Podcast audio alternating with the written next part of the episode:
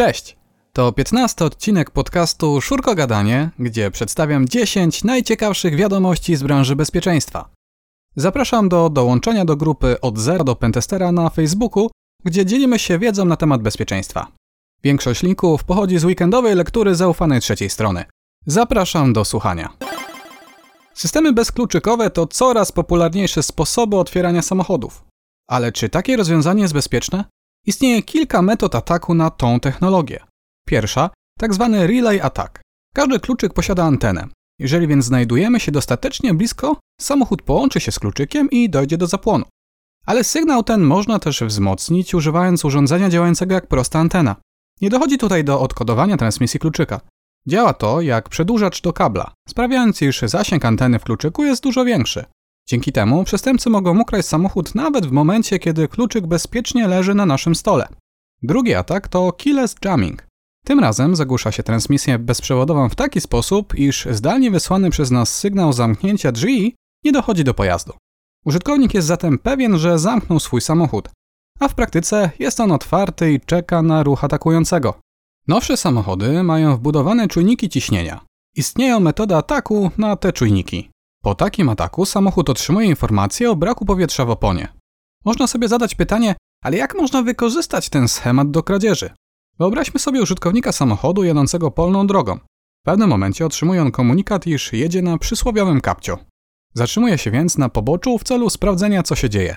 W tym samym momencie dookoła pojawiają się agresorzy, którzy wykorzystują okazję do kradzieży. Szybko, prosto i skutecznie. Wystarczyło kilka metrów wcześniej wysłać odpowiedni sygnał do opon. Czy zatem warto korzystać z tego udogodnienia? A co wy o tym sądzicie? Dajcie znać w komentarzach. Pozostając w temacie samochodów. Radio w pojeździe już nikogo nie dziwi. To samo tyczy się Bluetooth, który pozwala na połączenie interfejsu kierowcy z naszym smartfonem. Dzięki temu możemy słuchać podcastów czy też korzystać z wybierania głosowego. W nowszych samochodach możliwa jest również integracja nawigacji i innych usług. Odblokowanie telefonu przy pomocy PIN-u czy też odcisku palca stało się standardem. Jesteśmy świadomi, że telefon to ogromne źródło wiedzy na nasz temat i staramy się je chronić przed niepożądanym wzrokiem. Ale mało osób zdaje sobie sprawę z informacji, jakie mogą zostać zapisane w pamięci samochodu podczas jego synchronizacji z telefonem. W zależności od modelu mogą być to nasze kontakty, wiadomości tekstowe, zapisane lokalizacje GPS czy też logi wykonanych i odebranych połączeń. Jeżeli samochód jest używany tylko przez nas, zazwyczaj jesteśmy gotowi na podjęcie dodatkowego ryzyka ze względu na wygodę rozwiązania. Nieco inaczej należy jednak podejść do tej samej kwestii, jeżeli udostępniamy swój telefon w samochodzie z wypożyczalni.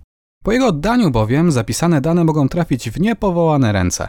Warto zatem za każdym razem usuwać wszystkie dane po skończonym wypożyczeniu. Maszyny vendingowe sprzedające napoje to popularny widok na różnych uczelniach wyższych, dworcach i innych skupiskach ludzi. Jeszcze kilka lat temu obsługiwały one jedynie monety, a i dość często nie wydawały reszty. Nowsze automaty uzbrajano w obsługę banknotów, czy też ruchome ramiona, mające zastąpić tradycyjny świderek, zrzucający wybraną rzecz spółki. Ostatnim hitem natomiast jest możliwość płatności za wybrany towar przy pomocy telefonu. Płatność wykonywana jest przy pomocy aplikacji pobranej z internetu. Użytkownik loguje się w niej i doładowuje swoje konto, np. przy pomocy karty kredytowej. Teraz wystarczy już tylko przyłożyć telefon do czytnika NFC i wybrać interesujący nas napój. Automat pobierze odpowiednią ilość pieniędzy z naszego wirtualnego portfela i wyda napój. Co mogło pójść nie tak? Jeden ze studentów przyjrzał się bliżej aplikacji na Androida, będącej wirtualnym portfelem. Podczas inspekcji wnętrza aplikacji natrafił na wewnętrzną bazę SQLite, która zaszyfrowana była numerem e-mail telefonu. W jej wnętrzu znajdowała się m.in. informacja na temat bieżącej liczby kredytów bieżącego użytkownika. Po testach okazało się, że wystarczy zmodyfikować tą wartość i można było kupować za darmo wszystkie produkty. Przykład, dlaczego dane z telefonu użytkownika powinny być dodatkowo weryfikowane po stronie serwera www. Jakiś czas temu w tym podcaście wspominałem o błędzie pozwalającym na zdalne przejęcie routerów firmy Mikrotik. Podatność ta jest dalej aktywnie wykorzystywana do kopania kryptowalut czy też do ataków DDoS. Nadal według statystyk serwisu Shodan ponad 400 tysięcy urządzeń jest podatna i nie zaktualizowała oprogramowania.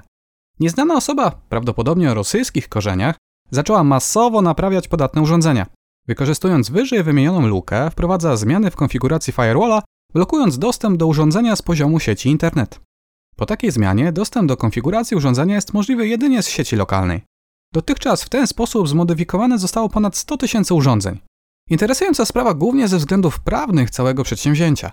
O ile bowiem atakujący działa w dobrej wierze, próbuje ochronić użytkowników przed kolejnymi atakami, sam dokonuje przestępstwa. Uzyskuje bowiem nieautoryzowany dostęp do nie swoich urządzeń. Ciekawe, czy w przypadku złapania przez organy ścigania i postawienia mu zarzutów przyjdzie mu spędzić część swojego życia w celi. To nie pierwszy raz, kiedy ktoś próbuje załatać podatne urządzenia w internecie. Update urządzeń IoT to jednak skomplikowana sprawa. Swego czasu Mozilla zadecydowała, że w przyszłości Firefox przestanie ufać certyfikatom SSL wystawionym przez firmę Symantec. Stało się tak poprzez liczne nadużycia ze strony tego producenta. Chodziło tutaj m.in. o wystawienie nieautoryzowanych certyfikatów Extended Validation, czy też wydawanie certyfikatów SHA-1 po uzgodnionej wcześniej dacie.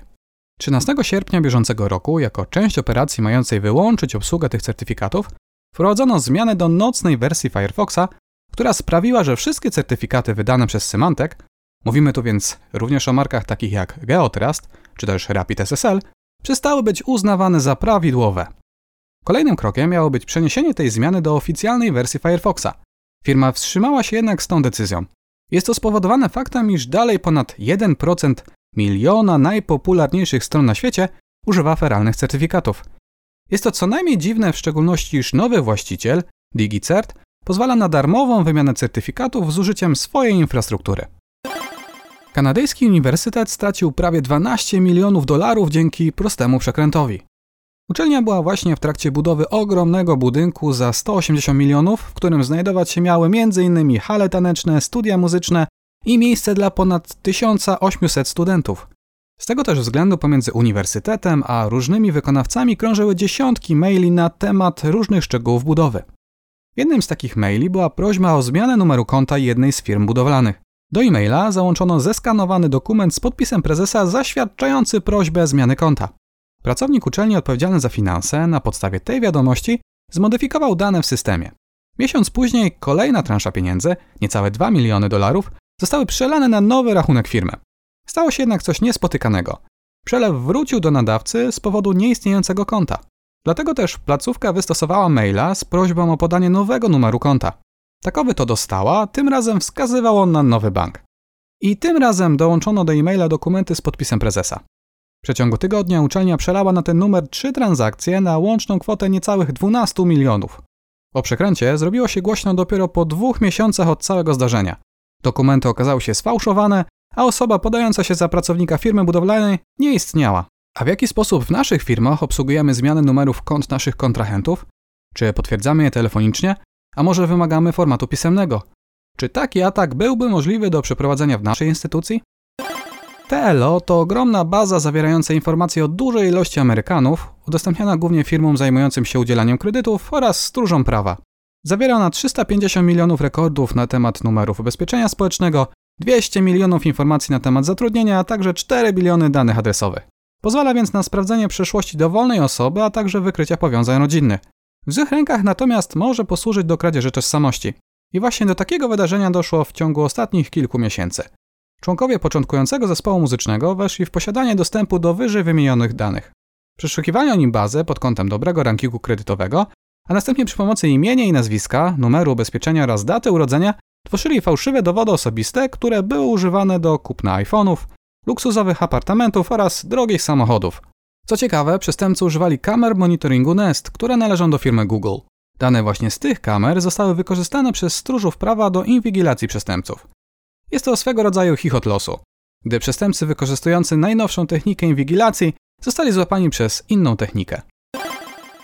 Windows 10 zawiera wbudowaną obsługę ochrony przed filecoderami, czyli złośliwym oprogramowaniem szyfrującym pliki na naszym dysku twardym. Funkcjonalność ta nazywa się Controlled Folder Access. Jej działanie jest bardzo proste. Wybieramy katalog, którego pliki mają być chronione. Dane w tym katalogu mogą być następnie modyfikowane jedynie przez zdefiniowane wcześniej procesy. Zatem jeżeli użytkownik uruchomi złośliwe oprogramowanie, nie będzie ono w stanie zmodyfikować plików wybranym przez nas katalogu. Badacz przyjrzał się, jakie procesy są dodane do whitelisty. Jednym z nich jest Explorer Exe, czyli eksplorator Windows.